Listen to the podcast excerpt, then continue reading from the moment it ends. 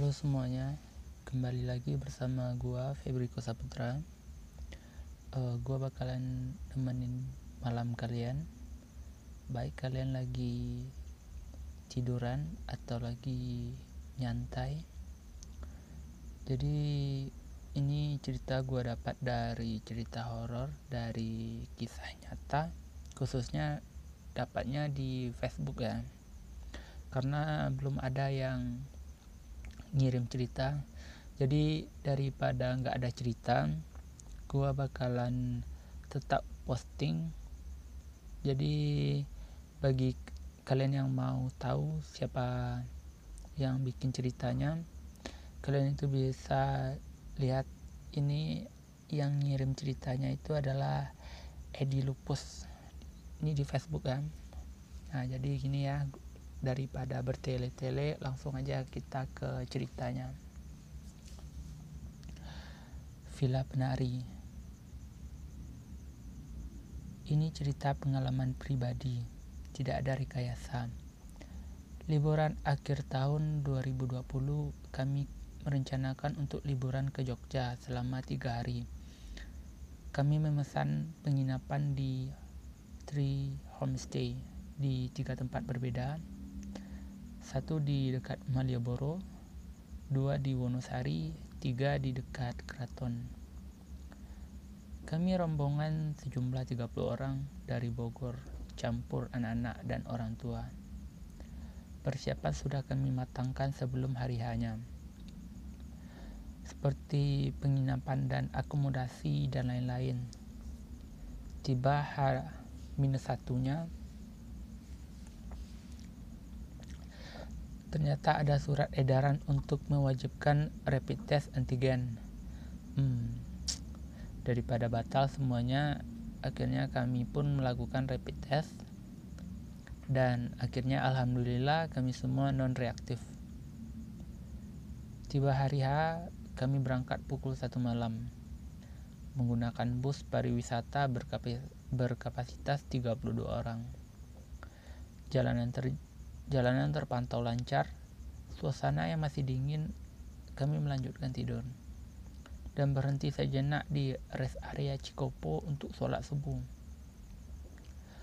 Oh ya, kami menggunakan rute dari Bogor melalui tol Cikampek, Cikopo, Pagetan, lalu keluar ke arah Magelang. Setelah sholat subuh, sarapan, kami melanjutkan lagi perjalanan dan tiba di villa pertama di daerah tidak jauh dari Malioboro. Total perjalanan kami dari jam 1 malam di Jogja pukul 4 sore. Oh, jadi dari jam 1 malam di Jogja eh dari rumahnya ya terus nyampe di Jogja pukul 4 sore gitu ya. Wah, perjalanan yang sangat melelahkan. Kenapa lama?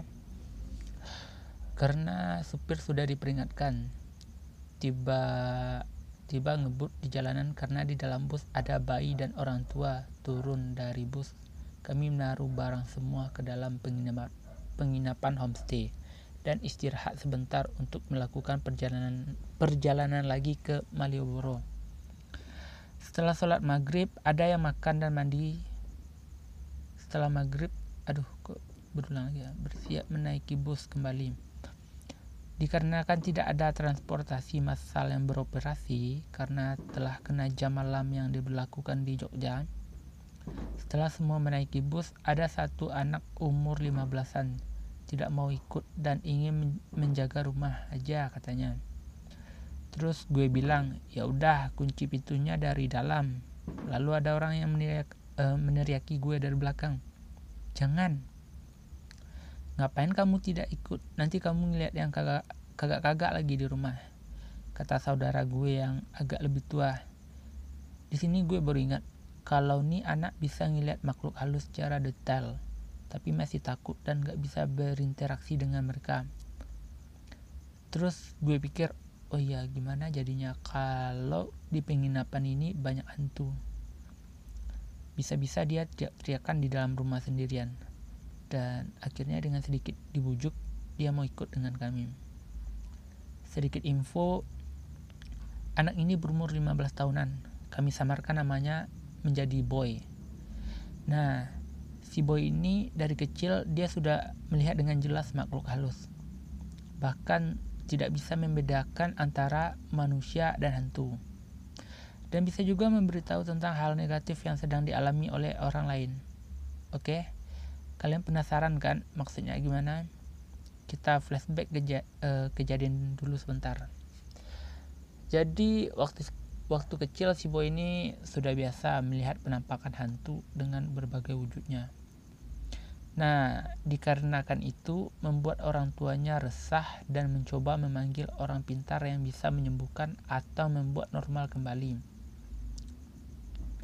Si boy ini tinggalnya di Kalimantan. Orang tuanya memberitahu ke semua saudaranya untuk meminta bantuan mencarikan orang yang bisa menyembuhkannya. Setelah beberapa hari ada sanak saudara yang ngasih nomor telepon ke orang tua si boy bahwa dia sudah dapat orang yang cocok untuk menyembuhkannya.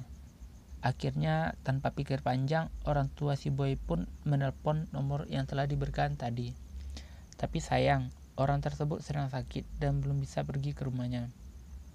Si Boy yang mendengar percakapan orang tuanya dan si orang tersebut karena di loudspeaker langsung memberitahu bahwa ada orang yang ingin men mencelakainya. Si orang pintar ini langsung kaget dan bertanya lagi, apakah kamu bisa lihat apa yang terjadi, terjadi kepada saya? Si Boy menjawab, bisa. Ada orang yang ingin mencelakai bapak. Coba bapak buang bantal yang bapak pakai sekarang. Karena di situlah penyakit itu berawal. Merasa tidak percaya karena dia pun seorang pintar maksudnya orang pintar ya dalam ilmu begituan apalagi yang bicara hanya seorang anak kecil akhirnya diabaikanlah nasihat si boy dan mengakhiri percakapan dengan orang tuanya. Nah setelah beberapa hari ada telepon lagi yang masuk ke HP orang tua si boy.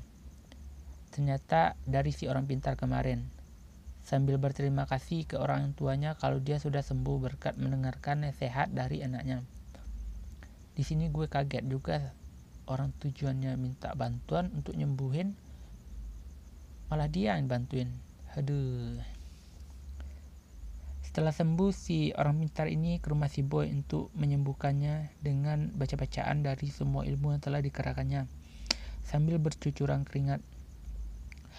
Tapi tidak mampu menyembuhkan si boy dan akhirnya memutuskan menyerah dan pulang dengan mimik muka yang ketakutan Orang tua si boy pun men e, mencari kembali orang yang bisa menyembuhkan anaknya dan berakhir sama juga seperti yang pertama. Akhirnya mereka menyerah dan dibiarkan seperti ini saja. Berharap kalau sudah dewasa hilang sendiri kepekaannya. Atau bisa mengendalikan dirinya agar tidak takut dan biasa saja. Oke, kita balik lagi ke cerita. Setelah si boy dibujuk agar tidak sendirian di dalam rumah, Akhirnya dia ikut masuk ke dalam bus untuk pergi ke Malioboro. Penerapan jam malam yang diberlakukan di Jogja membuat bus kami tidak bisa memasuki kawasan Malioboro. Kami pun dituruni dekat Tugu Jogja dan melanjutkan perjalanan dengan berjalan kaki sekitar 800 meter ke Malioboro. Setelah memasuki Malioboro, kami pun berpencar dan bertemu kembali di stasiun Tugu pukul 11 malam. Lelah juga ya setelah 15 jam perjalanan ditambah muter-muter Maliboro untuk berbelanja dan makan-makan belum menunjukkan pukul 11 tiba-tiba hujan turun dan terpaksa kami pulang sendiri-sendiri menggunakan taksi online. Setelah tiba di penginapan kami pun lelah dan tidur karena besok pagi ingin melanjutkan perjalanan ke Candi Prambanan. Di hari pertama, ini belum menunjukkan sesuatu yang aneh atau di luar logika, karena kami ke Jogja untuk wisata pagi hari pun tiba. Semua menyiapkan diri untuk check out di jam 10. Perjalanan dari penginapan ke Prambanan memakan waktu sekitar satu jam. Setelah tiba di Prambanan, si boy tidak mau turun dari bus dan memutuskan untuk berdiam diri di dalam bus. Di sini gue mikir, di tempat-tempat bersejarah seperti ini pasti banyak makhluk halus yang berdiam diri untuk menjaga lingkungan candi. Setelah dibujuk, akhirnya si boy mau untuk ikut ke dalam candi. Oh iya, si boy ini rumahnya di Kalimantan dan pergi ke Bogor untuk wisata dengan kami tanpa didampingi orang tuanya karena orang tua baru orang tuanya baru saja melahirkan. Kami jemput di bandara karena ayahnya hanya mengantarkan mereka di bandara dan pergi kembali ke Kalimantan dan menitipkan anaknya ke kami dan tinggal sementara di rumah neneknya si Boy. Mempunyai adik perempuan tetapi adiknya tidak bisa mempunyai kelebihan seperti si Boy. Balik lagi ke cerita. Setelah memasuki area candi, gue pun kaget dibuatnya posisi gue yang persis di belakang si boy tiba-tiba dia langsung meluk gue dengan raut muka ketakutan. Dengan bibir yang kaku tidak bisa bicara. Gue pun bertanya kepadanya kamu kenapa? Tapi tidak ada balasan. Mungkin saking takutnya gue tetap peluk dia dan jalan perlahan menjauhi area candi. Memberikan minum dia agar lebih tenang agar mau memberitahu apa yang dia lihat. Dia pun tetap tidak mau bicara karena memang ini anak takut untuk mendeskripsikan secara detail. Gue pun tetap membujuknya agar tidak perlu takut karena kita tidak bermaksud jahat untuk pergi ke sana. Hanya berwis uh, hanya berwisata saja. Dia pun mulai sedikit menceritakan kejadian yang dia lihat ternyata yang dia lihat yang dia lihat sosok makhluk halus lemper-lemper yang sangat besar. Maksudnya apa ya lemper-lempernya? Di situ gue langsung merinding sangat sambil membayangkan apa yang dia lihat dan dia rasakan. Gak kepikiran kalau gue yang lihat mungkin udah pingsan kali ya. Karena di sana juga banyak sepuh yang menjaga gue mengantarkan si boy kembali ke dalam bus. Karena gue belum foto-foto gue balik lagi ke area candi.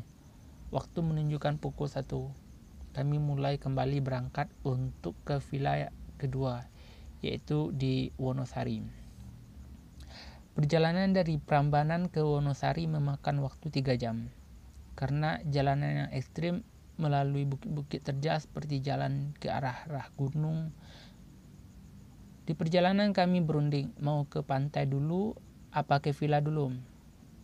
Di sini anak-anak sudah tidak sabar untuk ke pantai. Jadi kami putuskan untuk pergi dulu ke pantai. Pantai yang kami tuju ialah Pantai Sadranan. Karena kami lihat di Google pantainya indah dan bisa snorkeling. Eh, pas tiba di sana malah kecewa. Ternyata air laut sedang pasang, jadi banyak ombak tinggi dan permukaan pantai telah kemakan laut. Anak-anak langsung nyebur ke pantai dan yang dewasa lebih memilih untuk berfoto-foto menggunakan jasa foto di sana. Gak terasa udah maghrib, kami sholat rapi-rapi dan berangkat untuk lanjut ke villa. Waktu menunjukkan pukul 7 malam.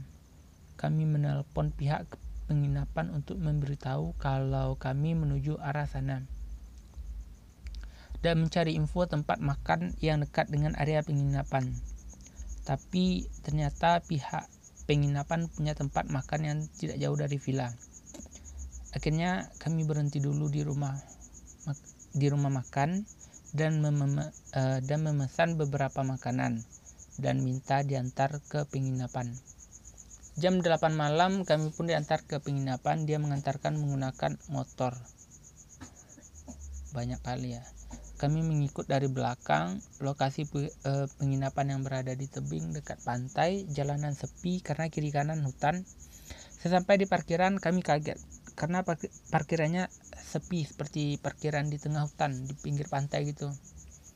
Di situ gue pun langsung turun menanyakan ke pihak penginapan yang tadi menggunakan motor. Pak, ini benar kita tidak salah jalan. Sepi begini jalanannya. Katanya tidak ini benar kok.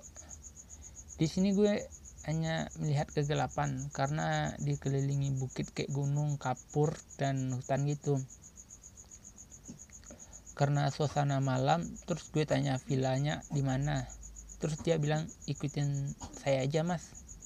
Gila gue langsung sok berat karena harus melewati jalan setapak. Kayak tangga dari batu gitu e, disertai lampu kecil yang dipasang di ranting pohon. Perjalanan dari bawah ke villa yang di atas lumayan jauh kalian bayangin kayak di bawah tebing gitu. Terus mau ke atas tebing menggunakan jalan setapak yang hanya diterangi lampu kecil di ranting dan kiri kanannya masih hutan gitu.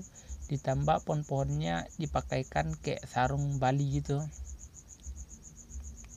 di sini gue pergi ke atas dulu sama pihak penginapan dan temen gue satu orang.